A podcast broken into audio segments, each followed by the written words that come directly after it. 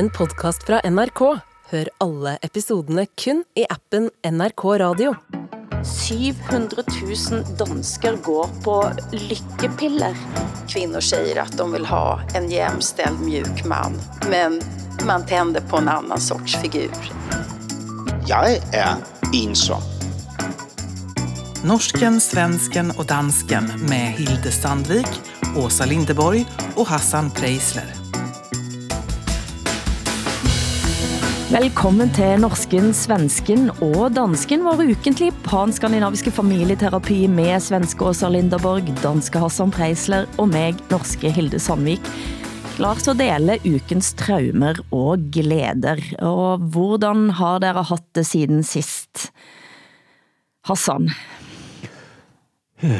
Jo, øh, hvad, hvad kan jeg sige? Øh, jo, det, jeg, jeg synes, det har været en, en okay uge. Altså, jeg, jeg, min bog, øh, som skulle udkomme 1. juni, er blevet udsat øh, oh. på ubestemt tid, for, ja. fordi den ikke... Øh, vi, vi er sådan set enige om, at den ikke er i mål endnu, øh, forlader jeg, men det, det er jo stadig... Øh, øh, ja, altså, Vem, ja. är det du som tycker att du är färdig med boken eller är det förläggaren? altså, at jeg ikke er færdig med bogen. Vem tycker det?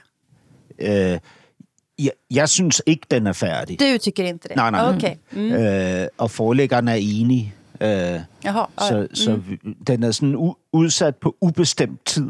Øh, og det, Oj, det er jo jamen, langt. Jeg, ja, ja, og jeg synes jo, det er smertefuldt ligesom at slippe den der dato. Men det er jo også en lettelse, fordi jeg havde så mega meget stress over, hvordan vi mm. dog skulle nå det mm. til, til 1. juni. Og 1. juni er jo sådan en magisk dato, fordi det er 10-årsdagen for min øh, debut øh, roman. Ikke? Så ja. der var jo sådan noget med den dato, som var sådan øh, af stor betydning for en romantiker, som jeg åbenbart er. Ikke? Hmm. Så, øh, så det er sådan det, der sådan optager mig lige nu. Ja. Øhm, Det förstår jag. Ja, samtidig med alt øh, det, det der med børnene. Mine børn fylder bare så meget for mig. Altså, jeg tænker over mine børn 24 timer i døgnet. Øh, altså, hele tiden. Ikke? Og det er ikke for at sige, at jeg er en god far. Altså, fordi det er jo ikke nødvendigvis hensigtsmæssigt at tænke over sin, på sine børn hele tiden. Øh, især ikke med så store bekymringer, som jeg gør det. Men øh, ja. Nej, det er, ja, vad gör du det? Jag tänker på mina barn hela tiden. De har ju flyttat hemifrån. Jag tänker på mitt barnbarn också. Eh, människor som jag älskar, vänner, eh, fyller mina tankar mycket. Jag är så otroligt tacksam för eh, alla människor som finns omkring mig. Men också eh, oroad hela tiden att någonting ska hända. Sån är Mm, jag. ja, ja. Jag har väldigt Ja. svårt att slappna av. Liksom, och tänka att allt, att allt kan vara så här bra som det för stunden är. Har du haft en fin uke då? Eh, ja, det har jag väl haft. Men jag har ju varit med om något, eh, tycker jag, konstigt. Igår så fick eh, alla i Sverige elstödet. Vi fick tillbaka våra pengar, så att säga. Jag trodde inte att jag skulle få en enda krona. Och plötsligt så hade... Och jag har inte ansökt några pengar, de bara kommer. Och... Eh, Plötsligt så hade jag 2000 kronor på kontot. Och min första tanke då, det var... Aha, jag fick tillbaka pengar. Då borde jag ju ändå kunnat haft golvvärmen på i badrummet. eh, och det här visar ju hur skruvat i alla fall det svenska systemet är. Ju mer el du använder, desto mer pengar får du. Och det här är ju inte ett sätt direkt att spara el på. Eh, det såg jag ju direkt på min egen reaktion. Ska också säga det svenska systemet är ju hemligt hur mycket pengar folk får. Men jag berättade att jag får 2000 kronor för en trerumslägenhet.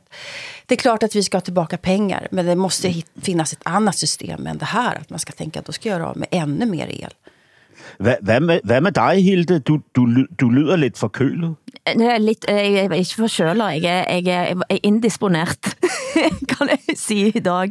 Eh, Men var er eh, du någonstans nej, i världen, Hilde? Nej, akkurat nu er jeg i Paris. Uh, I Paris? jeg er i Paris. Hvad gør du i Paris? uh, med på en jobbrejse, kan man sige. Um, for egentlig var jeg i Nederland. Jeg skulle jo ned og spane for at tjekke eh, hvordan denne, altså husker dere den nederlænderen, som skrev så eh, eh, stygt om Norge og nordmænd, så tænkte jeg, nu rejser ned og spane, og havner altså midt på karneval i sør i Nederland. På det, altså det er en kombination av Teletubbies og zombiefilm og Alice in Wonderland og folk som bare raver rundt i gatene. Og jeg tænker at hvis en havde været ute i verdensrummet og sett ned på Nederland nå, så ville en ha tænkt, det er ikke rart de ikke klarer at spare på nogen av de der pengene de fik for gassen. Så derfor så rejste vi rätt til Paris. Du skickade ju en film spis- till Hassan och mig. Den var, Ja. ju, den var ju helt galen från den här karnevalen. Alltså, Ja. Jag trodde att det var, att det var 16-åringar i Uppsala ungefär. Nej, dette är- her er, jeg tror denne Sander eh, Schimmelpenning, eh, han, kanskje jeg skal sende den videoen til han? Så Som var, som, var den- som var den person, som tillod sig at uh, Ja. ja. kritisere norsk kultur. Ikke? Og nu er Hilde simpelthen dra- draget ud på sådan et, uh, et kulturelt hævnkorstog Ja, ja.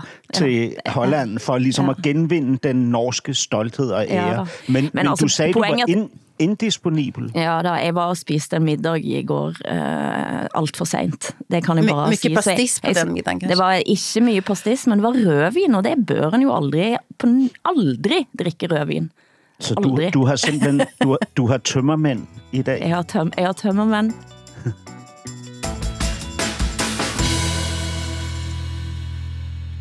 Da Åsa snakket om elstødet, så tænkte jeg på, hvad er det som sker i Danmark egentlig? Nå, men da Åse sagde elstød, så, ja. så, så tænkte jeg, at hun havde, at hun havde fået stød. Altså øh, et, et, elektri, et elektrisk stød. Ikke? Alltså, alltså en elchock. Ja. Eh, ja, ja, elektrisk Ja. stöt. Jaha, ja. Ja. nej. Øh, men men øh, ja, altså, ja, hvad er det, der sker? Det er, det er en lidt overset historie, det her, men det viser sig, at danskerne har betalt overpris for den gas, strøm og varme, de får leveret. Ikke? Og måske er det et rigtig højt tal, øh, vi har betalt øh, øh for meget. Ikke? Øh, og det er alt sammen, fordi det tilsyn, vi har i Danmark, som skal holde et vågent øje med forsyningsselskaberne, ikke har udført deres job. Ikke? Mm. Sådan lyder en rigtig, rigtig hård kritik fra statsrevisorerne nu. Altså, at der måske er foregået lovbrud, som forsyningstilsynet burde have opdaget. Og så tænker jeg, hvad er det her forsyningstilsyn? Jeg har aldrig hørt om, hvad det er for noget. Men det, og jeg, jeg tænkte, om det er måske et lille organ, øh, der, der står for kontrollen med varmeforsyningsselskaberne. Ikke? Øh, Men det er det ikke. Det, det her det er et, altså en hel styrelse, ikke? som består af en direktør og hele otte kontorchefer samt omtrent 100 medarbejdere, ja. som altså er sat til at sidde og overvåge forsyningen ikke? i Danmark. Og de er, de har simpelthen overset, at, ja. at, at, at priserne har været f- fuldstændig opskruet eller forkerte. Ikke? Og det har de overset, fordi de ikke har foretaget nogen stikprøver. Okay. Udover en enkelt. Ikke? En stikprøve. Altså den type forbrukerråd, som man har i Norge for eksempel, har jo gjort akkurat det samme med, med norske el-selskaper, strømselskaper, eh, og kom med et knusende opgør med strømsalgsbranchen. Ja. Fordi at strømsalgsbranchen, som det heter, har eh, rett og slett eh, trikset med avtaler, eh, gjør eh, altså rett og slett ulovlige avtaler, og med, ender op med at betale mer i en periode, når det allerede er dyrt. Så der, her har i alle fall det norske forbrukerrådet, da, direktøren, sagt at dette nå kommer en til at følge op mye, mye tettere. Der er et selskab, som er, er, som er meldt også til, rätt och slett till politiet. Vi har haft något liknande i Sverige, jag vet inte om det är polisanmälningar. Men alltså hela den här elmarknaden och elpolitiken, både den nationella och den som EU har, den gör mig helt galen. Jag fattar ingenting. Ja. Alltså alla säger att det här är fel, men det är ingen som liksom går till roten med problemet. Helt klart. Altså i det her tilfælde, så er det jo ikke politikerne, det er jo embedsmændene, altså de her mennesker, som er ansat... I det, I det här danska fallet, ja. Men det förstår Ja. Mm. i et tilsyn, som hedder forsyningstilsynet. Mm. Ikke? De, skal, de skal holde øje med forsyningen. Ikke? De skal føre tilsyn med forsyningen. Det er deres eneste funktion. Altså, de skal, ikke, de skal ikke stå for at uh, trimme skoven, uh, træerne ude i skoven også. Altså, de skal kun føre tilsyn med forsyningen. Ikke? Og det har de ikke gjort. Ja, åh, lykke til.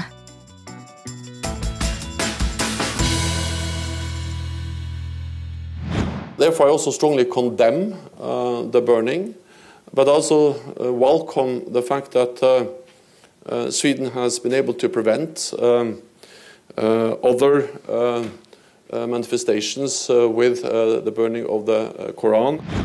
Så altså eh, NATO's generalsekretær Jens Stoltenberg, da han holdt pressekonference med den tyrkiske statsminister og utenriksminister.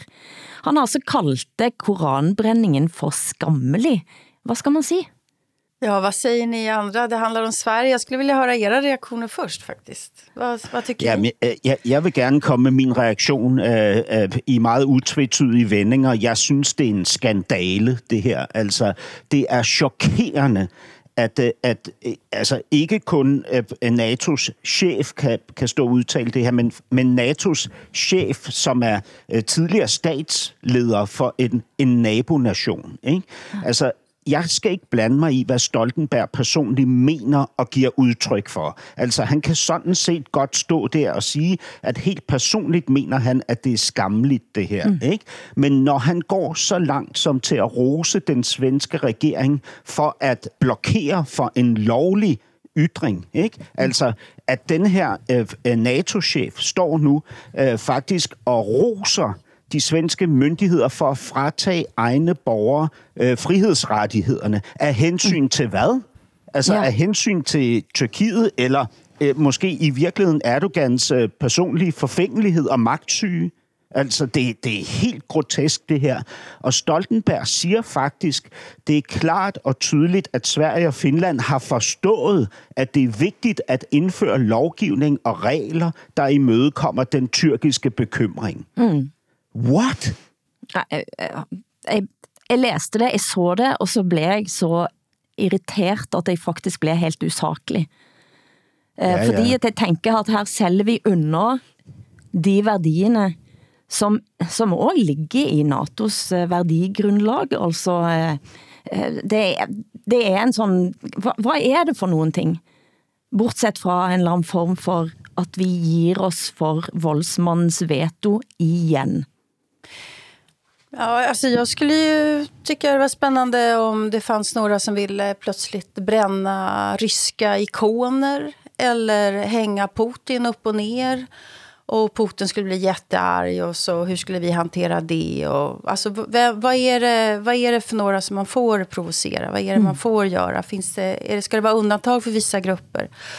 Och då har ju Stockholmspolisen i ett hemligt internt dokument sagt att man får bränna vad som helst, men inte Koranen. Där går gränsen. Och då är alltså inte alla lika inför lagen. Men så vi har just nu i Sverige ett, ett otroligt högt eh, tonläge när det gäller det här. Och det är att eh, den som försvarar koranbränningar, inte bara den som utför koranbränningar, den som försvarar koranbränningar är Putins nyttiga idiot. Det här är ett, ett, ett uttryck som återkommer hela tiden. Eh, Att, att eh, så både politiker och regering och, och eh, tongivande journalister och kommentariat använder just begreppet Putins nyttiga idiot och man försvarar koranbränningar. Och det gör faktiskt att vi tre här i våran podd eh, kan anklagas att, liksom att det är vårt ansvar att Sveriges NATO-medlemskap fördröjs. Eh, Bara så att ni förstår att det är så det kommer att, det är så det kommer att höras, eh, låta i, i svensk radio. Vi har alltså någonting som, som man kan säga är beredskapsjournalistik eh, nu i Sverige. Det är oerhört eh, aggressivt och konfrontativt. Eh, och ni vet min inställning till det här. Eh, vad- jag har ju sk- skrivit texter och pratat här om jag tycker att det är självklart att man ska få bränna allting. Det är min, jag vill inte leva i ett land där man inte kan få bränna saker. Måla över en flagga och sådär. Men, men i Sverige är det väldigt, väldigt hårt just nu. Mm. Så att eh, eran, den uppfattning som ni framför här, som ju också är min, den är, den är väldigt kontroversiell just nu. Gud, hvor er det vildt. Ja. Ja, og så kan man sige, at eh, Stoltenberg sitt, eh, sin jobb nå er at sørge for, at eh, Sverige og Finland kommer ind i NATO. Det er hans jobb, og han gør jobben sin, kan han da sige, når han holder denne talen. Mm. Men, men med, eh, ja. så, som det är nu så är det ju både, både NATO och Erdogan eh, sätter press på den svenska yttrandefriheten. Så är den mm. är pressad från både NATO och, och Erdogan just nu. Mm. Och en demokratiskt vald regering dessutom. Eh, och och eh, väldigt, väldigt många journalister går in i det här narrativet också. Mm. Så det är ganska trångt, det är liksom kvavt i Sverige. Men altså, jeg, jeg var tvungen til at se, hvordan NATO omtaler sig selv da. Um, og den sætningen, som springer i øjnene, er selvfølgelig at øh, NATO strives to secure a lasting peace in Europe, baseret på fælles værdier som individuel frihed, demokrati, menneskerettigheder og ret. Det er det, som det står om NATO. Mm. Ja, men det kan man jo sige, det er jo så idealer, som er øh, måske ikke til salg, men i hvert fald bøjelige, mm. øh, og måske ikke permanent, men i hvert fald i en periode. Fordi det, det der sker lige nu, de her idealer bliver bøjet, til gengæld for hvad? Altså måske en, en forestilling om større øh, militær stabilitet eller magt. Øh, det, mm. det ved jeg ikke. Jeg kan ikke gennemskue det her, fordi jeg, jeg synes, det er dødsens farligt, det spil, mm. der bliver spillet. Ikke?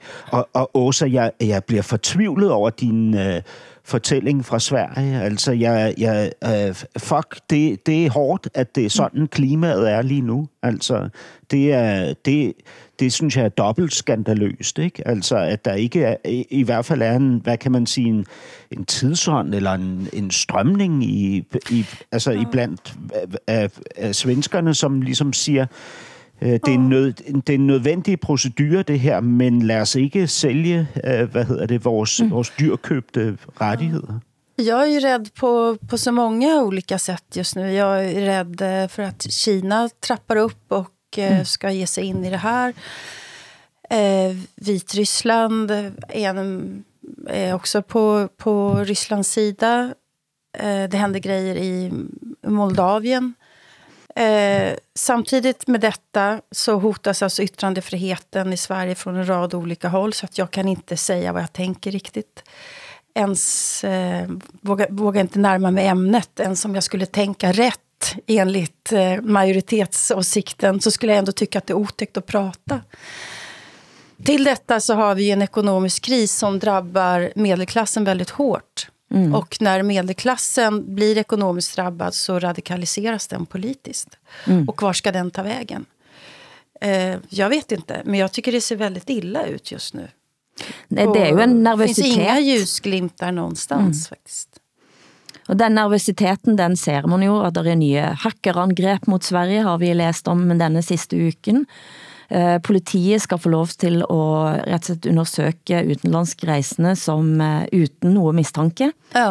Uh, så det indføres jo en, en, en, en krisesituation. Ja, men jeg har en lille glædelig nyhed fra Danmark i forbindelse med alt det her, vi taler om nu med øh, retten til at brænde øh, hellige skrifter. Øh, der ligger et borgerforslag øh, fra, øh, ja, altså fra en gruppe danskere, som øh, ønsker at få genindført blasfemiparagrafen øh, sådan at det bliver ulovligt at brænde hellige bøger. Ikke? Øh, og det her borgerforslag har nu her efter en uges øh, løbetid fået 23 psyko-3 støtter i alt. okay. Ej, men heja Danmark. For en gång skull, höll jag på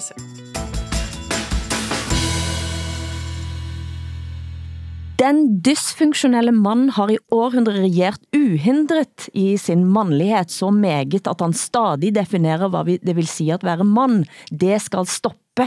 Det skriver den danske forfatteren Thomas Rydal i en artikel på Medium, samtidig som eh, DR melder at hver femte mand mangler nogen at tale fortrolig med.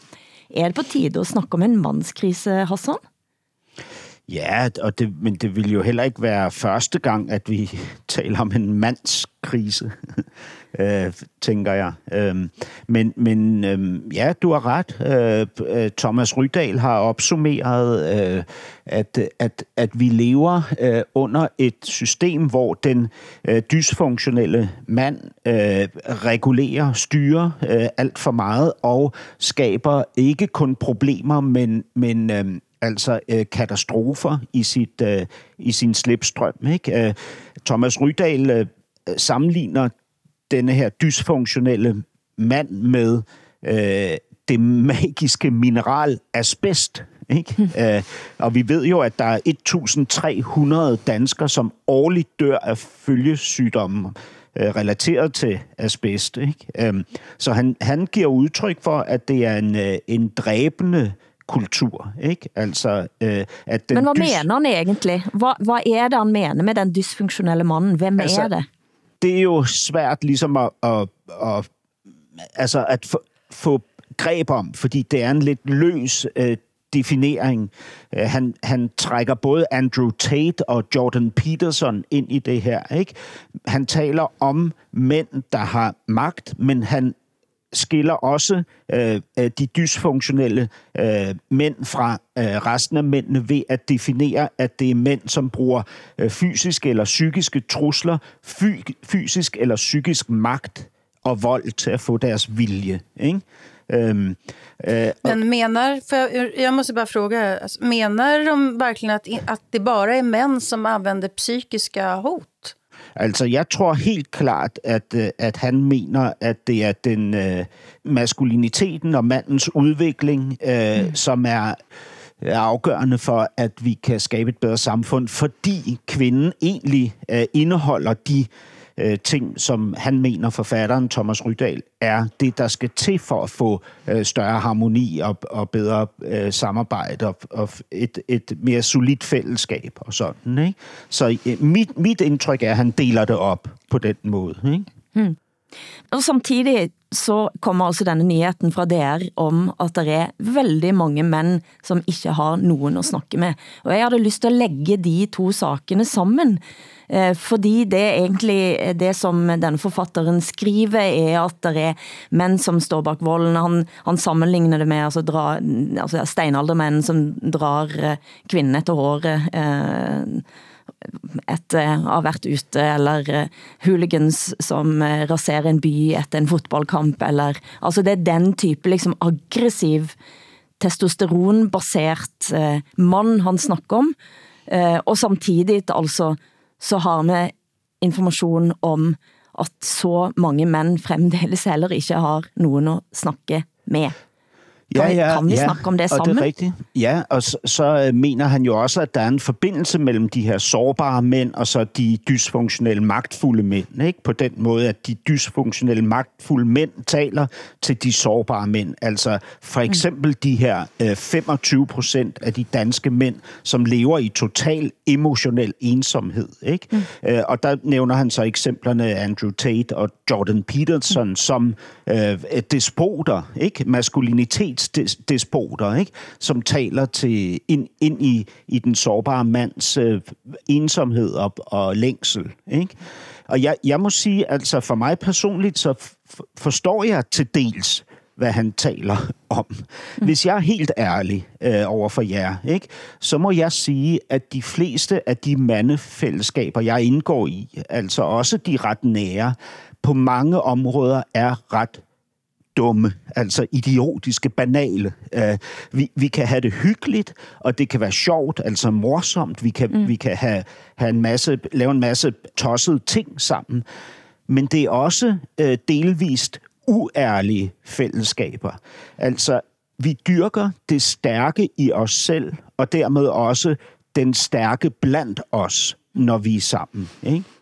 Jag har manliga kompisar som inte beskriver sina manliga vänkretser på det där viset. Jag, tycker den, jag läste också den där artikeln. Jag tyckte den var oerhört generaliserande och eh, Ehm, och att, man, att han gör så stor skillnad på, på könen. Men det är ju ett problem med mansrollen. Den har ju varit i kris ganska länge. Jag kommer ihåg, jag som är så gammal, jag minns på 70-talet, slutet på 70-talet när man började prata om om eh, mannen i kris och mannen skulle vara mjuk och liksom mm. bejaka sitt inre kvinnliga och så vidare.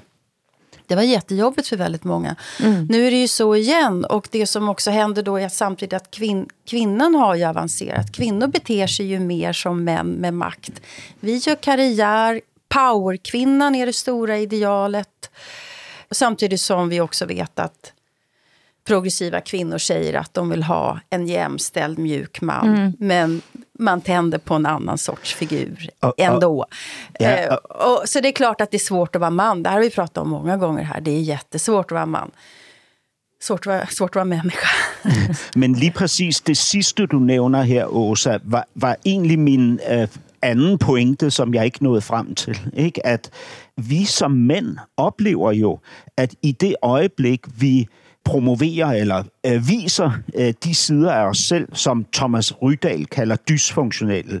Altså det magtfulde, det mm. stålsatte, det stoiske, det stærke og sådan. Ikke? Så får vi bare mere opmærksomhed fra kvinderne. Og det mm. her, når jeg siger det her, så bliver kvinder rigtig, rigtig vrede på mig. Ikke? Øh, altså uden tvivl. Ikke? Fordi kvinder vil ikke have andel i ansvaret for de her mekanismer.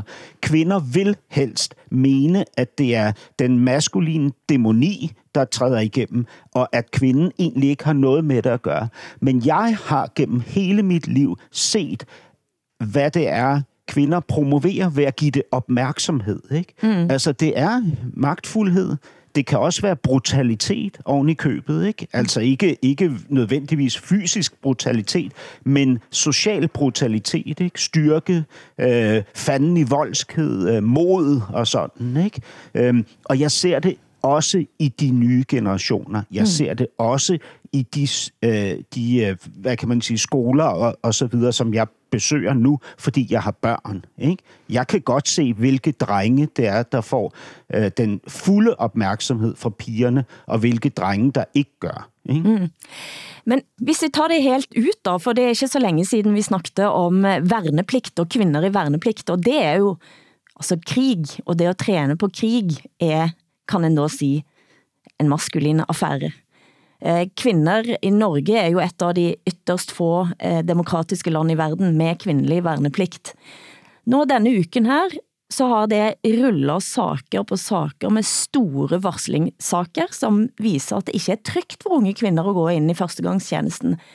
Eh, en eh, veldig tøff kvinde, Silje Falmår, sa til NRK at, eh, at det, det er ingen selvfølge at den blir varetatt. Eh, jeg opplevde jo en god del mobbing og seksuell trakassering. Eh, seksuelle overgrep. Eh, brudd på taushetsplikt og gjengjeldelse på varsling, som jeg har eh, varslet på. Hun er en av 11 som har varslet. Tre voldtekter, blandt andet, og store overgrep. Eh, og jeg, jeg blir jo selvfølgelig både som mor og samfundsborger rasende sint. Eh, og jeg lurer på, hvordan det kan ske. Og så ser jeg da en mand skrive i et eller andet socialt medium, Åh, hvad tror man kan ske da, hvis man putter en jente og masse gutter ind på et rum sammen? Det må man bare leve med. Og der tænker jeg, nej, det må man ikke. Eh, fordi det er jo denne destruktive mandligheten, som du snakker om da, Hassan ind i denne ekstremsituationen, som det at være førstegangstjeneste egentlig er.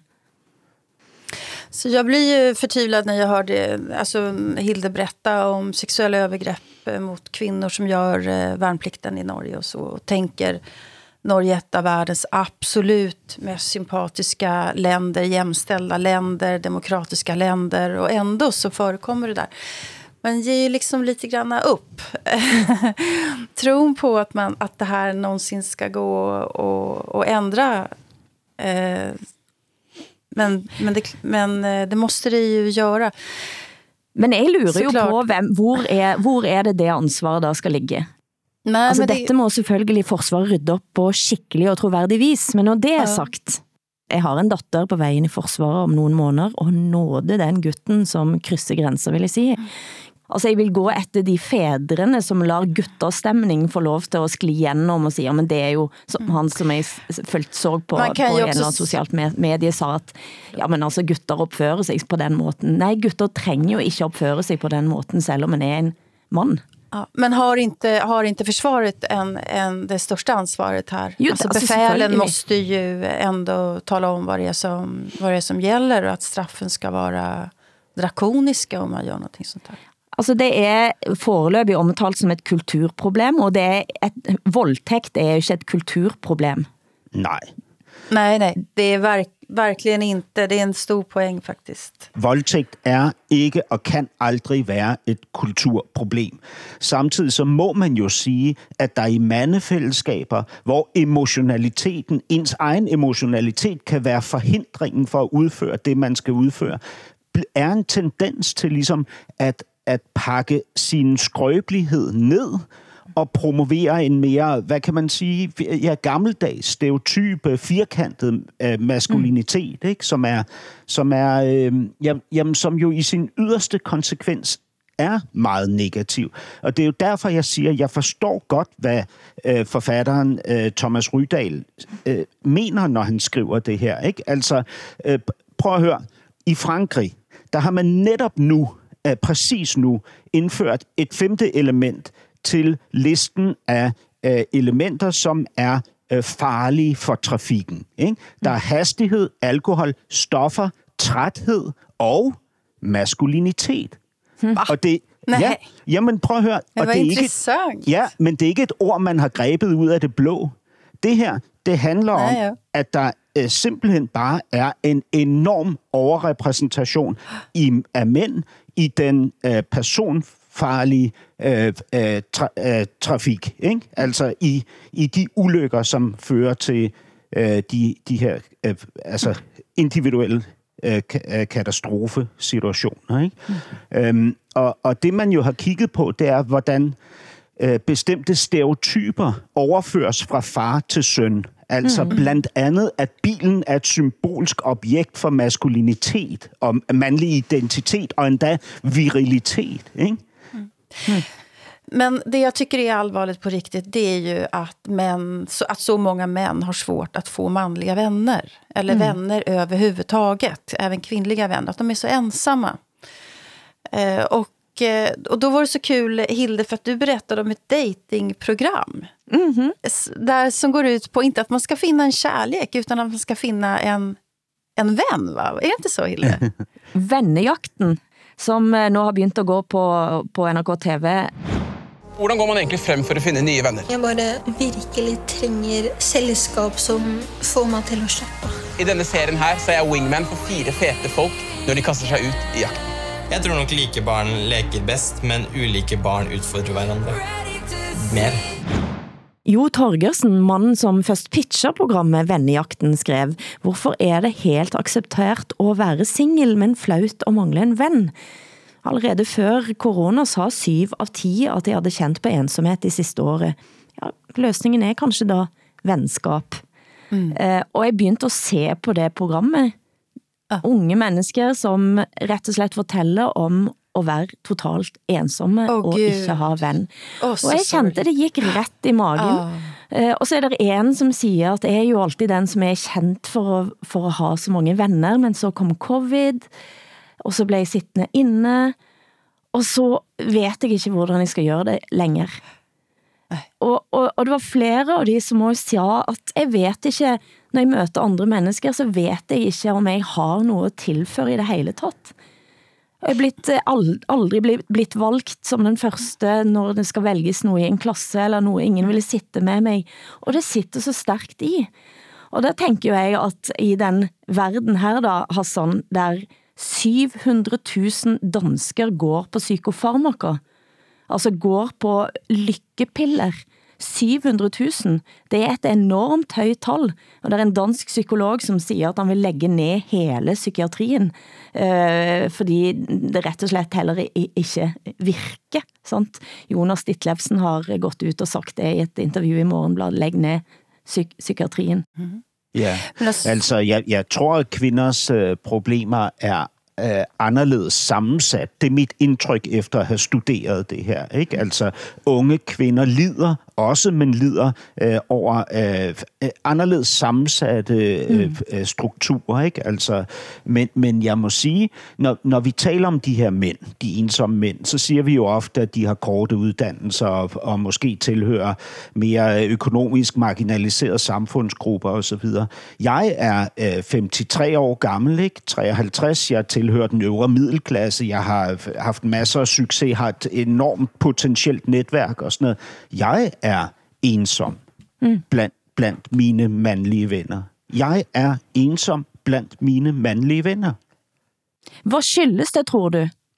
Jamen altså, det, det arbejder jeg jo på at prøve at undersøge. Et af, et af elementerne i det her er jo min egen psykologi. Altså, det er klart, det, det som jeg frygter, det som jeg er vokset op med, altså nogle, hvad kan man sige, traditioner mellem mig og mit mandlige forbillede, min far, ikke? som var mm. præget af, af konkurrence, for eksempel. Ikke? Så jeg ser øh, konkurrence i alle mandefællesskaber, mm. og det gør jeg jo delvist, fordi jeg er vokset op med det, så jeg er forblændet. Ikke? Mm. Men det er, der er jo også noget reelt i det her. Jeg oplever, at jeg med mine mandlige venner ikke kan være totalt ærlig om mine utilstrækkeligheder, fordi mm. der altid er et element af konkurrence mellem os. Ikke? Og det er for mig øh, det, som man kunne kalde den maskuline dæmoni, eller måske i virkeligheden den maskuline forbandelse. Ikke? Det er den her evindelige, evindelige konkurrence mellem os, ikke? som er opslidende og nedgørende, destruerende, ensomhedsskabende mm. osv. Mm. När jag var barn så var jag väldigt ensam. Jag hade inga kompisar alls. Eh, och eh, jag har alltid tänkt på att det var för att jag var så annorledes. Jag bodde ensam med min pappa och vi tvättade oss inte. Jag hade konstiga kläder och jag var inte som andra helt enkelt. Eh, men i vuxen ålder har jag börjat fundera på om det berodde på att min pappa inte hade några vänner heller. Att jag, jag blev som mm. min pappa, helt mm. enkelt. Mm. Det naturliga var att vara med mig själv. Mm. Eller med mm. honom. Så man ärver ju också sina föräldrars beteende på väldigt många mm. sätt. Eh, från far till son och i mitt fall från eh, far till dotter. Ja, mm. helt klart. Jag har, ju, jag har i vuxen ålder övat på att eh, liksom, ha en stor vänkrets. Och jag är så mm. otroligt lycklig för att det är någonting som jag har faktiskt en egenskap jag har lyckats erövra i vuxen ålder. Mm. Du hører norsken, svensken og dansken.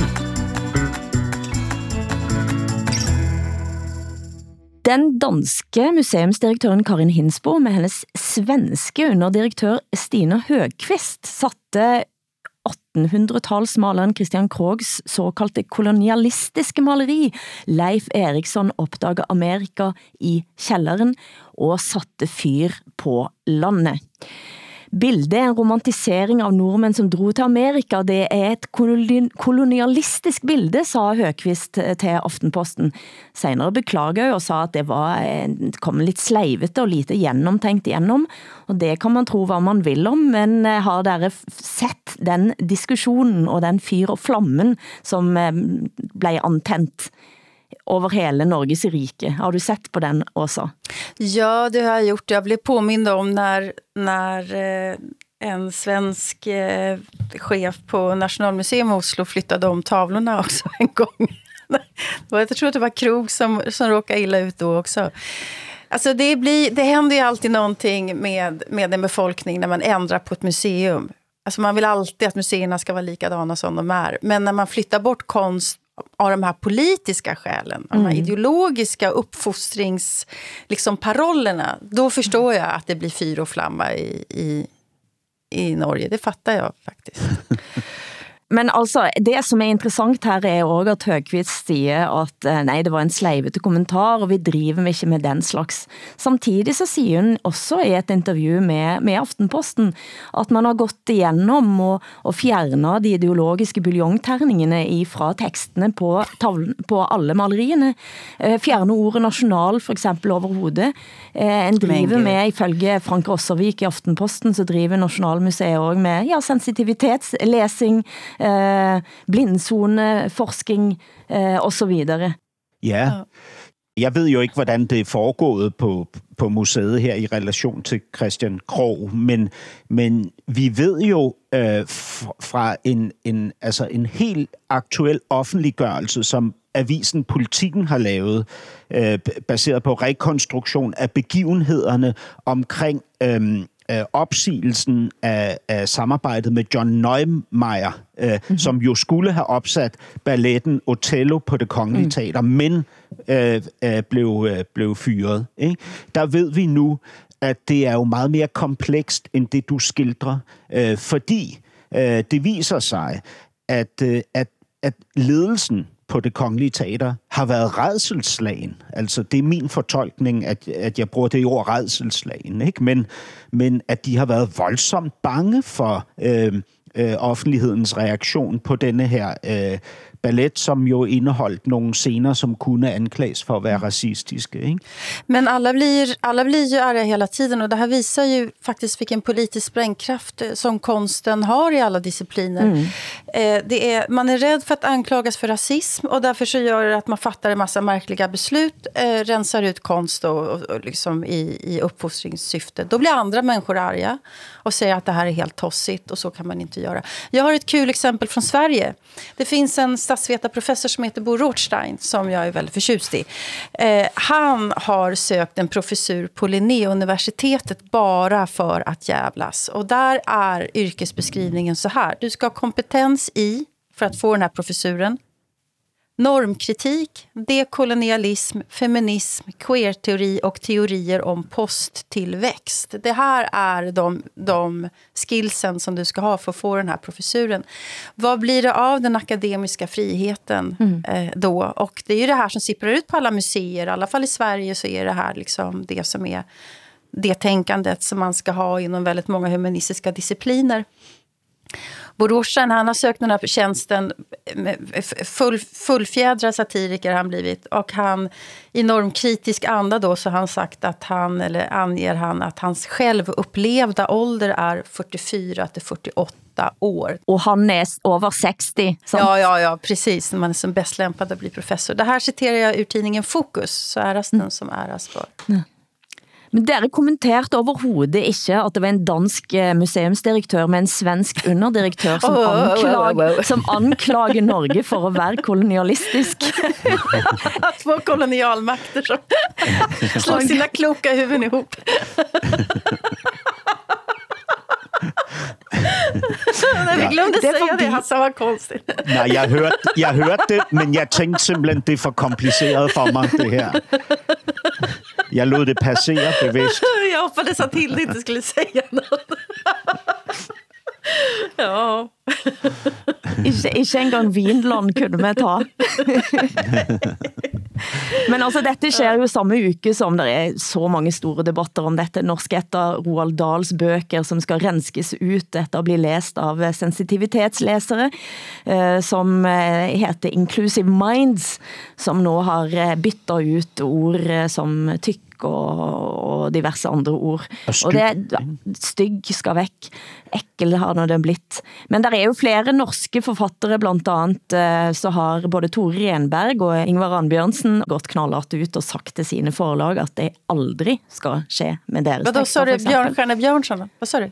Nej, jag skojar. Jag, skojar. eh, jag tycker det är så lustigt så här att de inte rensar ut ompalompierna. Ompalompierna, heter det inte så på era språk? Kalle chokladfabriken, det är, ju, det är ju verkligen en kolonial berättelse.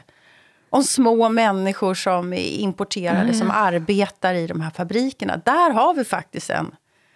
Men ikke, ikke ge dig någon fler idéer här Jag tycker det också. konstigt så att ett ord som peruk ska liksom, det är problematiskt, men inte, inte de här små figurerna som slavarbetskraften. som verkligen är de andra. Nej. Typiskt också att du skulle komma upp med detta nu. Oh, nej, Men vem vågar skriva en barnbok idag undrar jag när det är så här. Alltså, dels att man går in och rensar i gammal litteratur.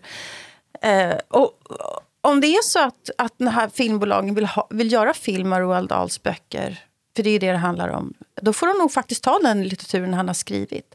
För att bara rensa ut honom och ändå behålla liksom namnet och så där, det är ju bara ren eh, kommersialism. Mm.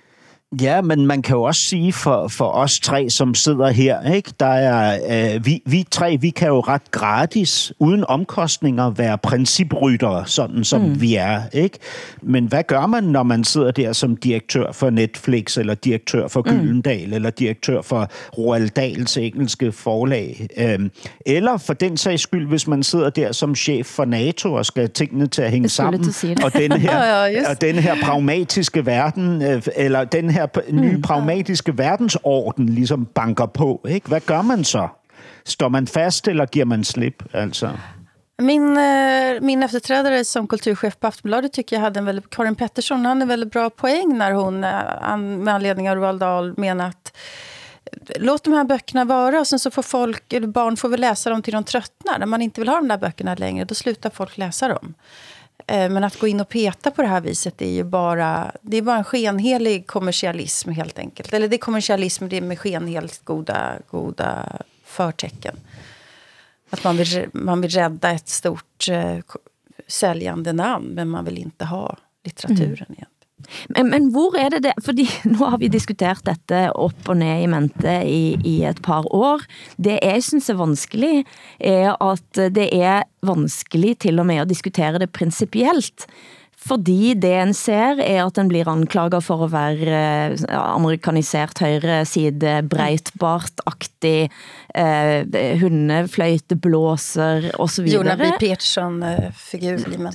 Sant? Og samtidig så, så, så sniker det sig ind i språk og i tænkningen og, og overalt.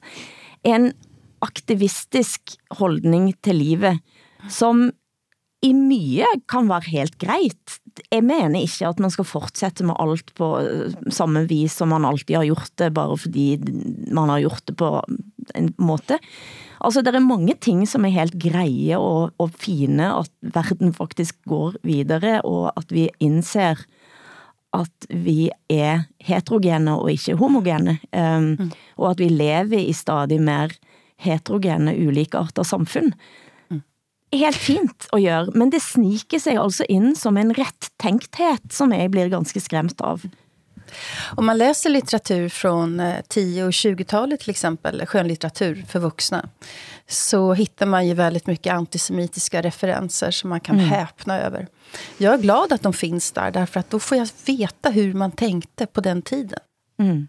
Der, hvor jeg ligesom synes, det altid bliver kogt ned til, når vi taler om kunst, det er, øh, hvilket kunstsyn man har. Altså, skal kunsten skildre mennesket, som det er, eller som det bør være? Mm, just Øh, og, og her der ser vi jo ønsket om, at kunsten skal promovere et, be, øh, et bestemt menneske, altså en bestemt type, eller nogle sider af os selv. Ikke? Og det kan måske også være godt og hensigtsmæssigt øh, for, for sammenhængskraft og så videre, at vi ligesom kaster, forsøger at, øh, at vælte os selv over i det gode mere end i det onde. Ikke? Mener du dette? Jeg tror ikke, du mener dette. Nej, nej, altså for, for mig personligt, så er det et forræderi mod menneske, menneskets egentlige natur. Ikke? Og det efterlader os ensomme og, og, og hvad hedder det, ja, altså øh, afhugget, ikke? Øh, fordi, fordi alt det, vi, vi altid har indeholdt, indeholder og vil, vil indeholde af ondskab og, mm. og, og så videre, det, det, skal vi, øh, det skal vi nu bortamputere. Mm. Ikke?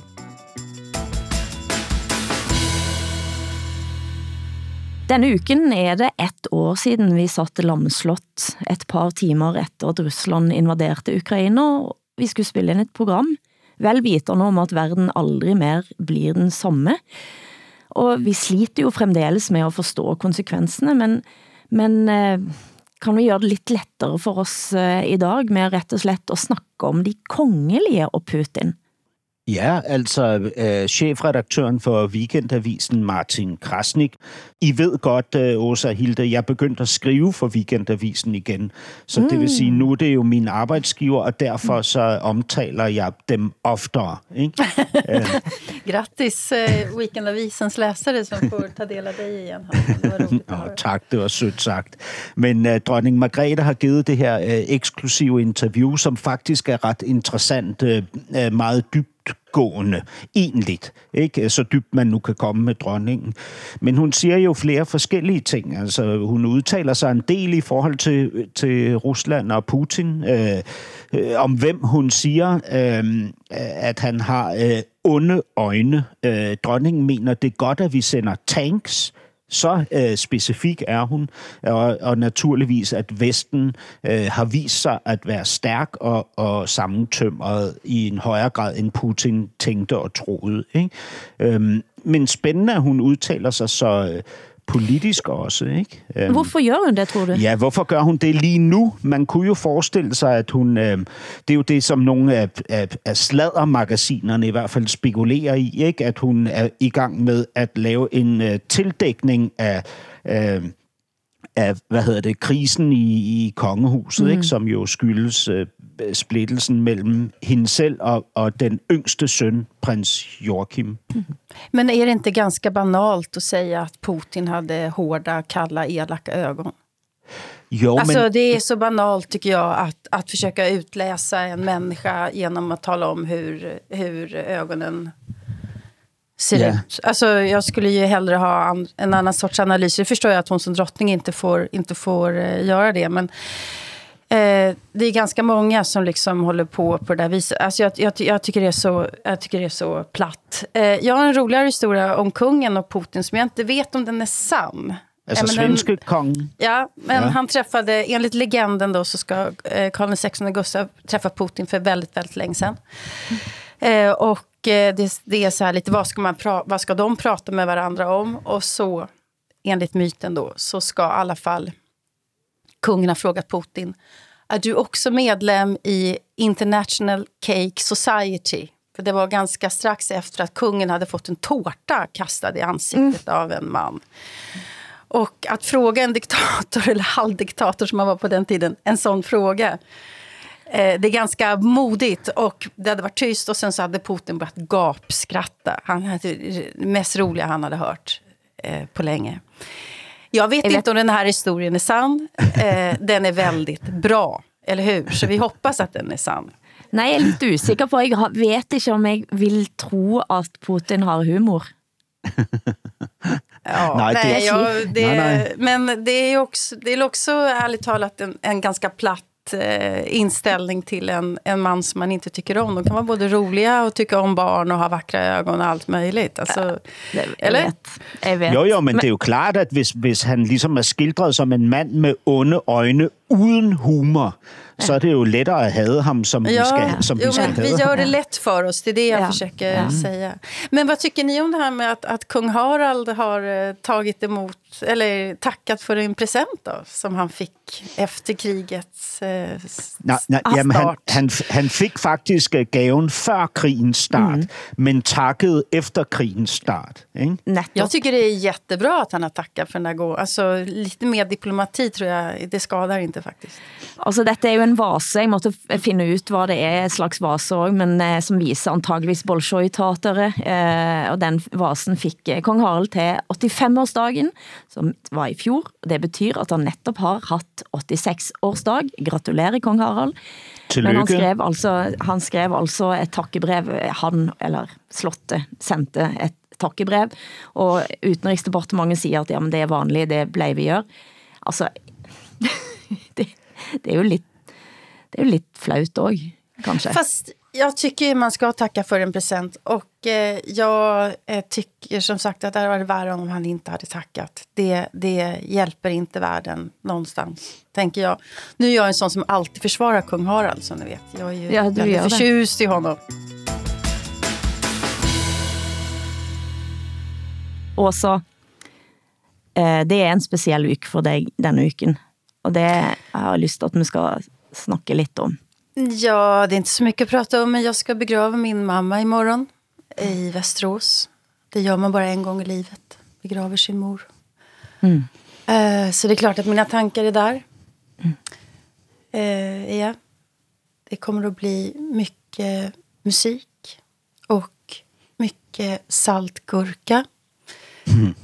Västerås är känd för sin saltgurka och min mamma hade dessutom ryska anor. Min mormor är född i Ryssland 1917.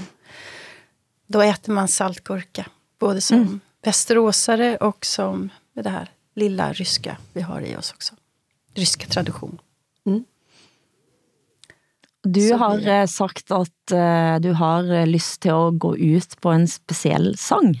Ja, eh, jag skulle vilja att vi som en tribut till en av världens bästa människor, nämligen Tanja, min mamma, att vi spelar gammal fäbodsalm. Mm. Eh, den eh, spelar vi alltid på begravningar i min familj. Och jag vill att vi lyssnar på den versionen med Arne Domnerus, Dompan. Mm. Men uh, Åsa, må Hilde og jeg så ikke have lov til at udtrykke vores mm. mest oprigtigt følte uh, kondolencer til mm. dig. Og hvis uh, jeg havde haft mulighed for det, så ville jeg så gerne have kommet til mm. bisættelsen. Tak så mycket. Mm. Hun har været med os, og vi har til og med fått lov til at hilse på henne. Det er jeg så glad for. Mm. Mm. Ja. Mm.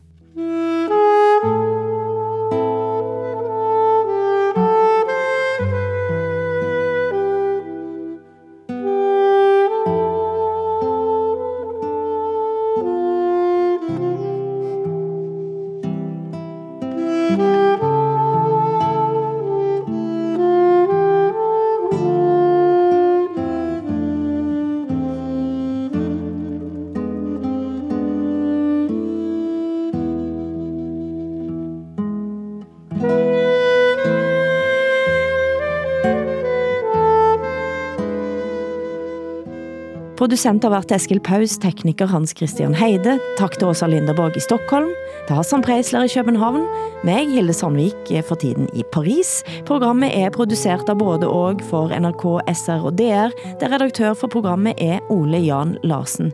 Vi høres igen om en uke, og husk at de nye episodene lægges ut allerede på lørdager i SR Play, DR Lyd og NRK Radio.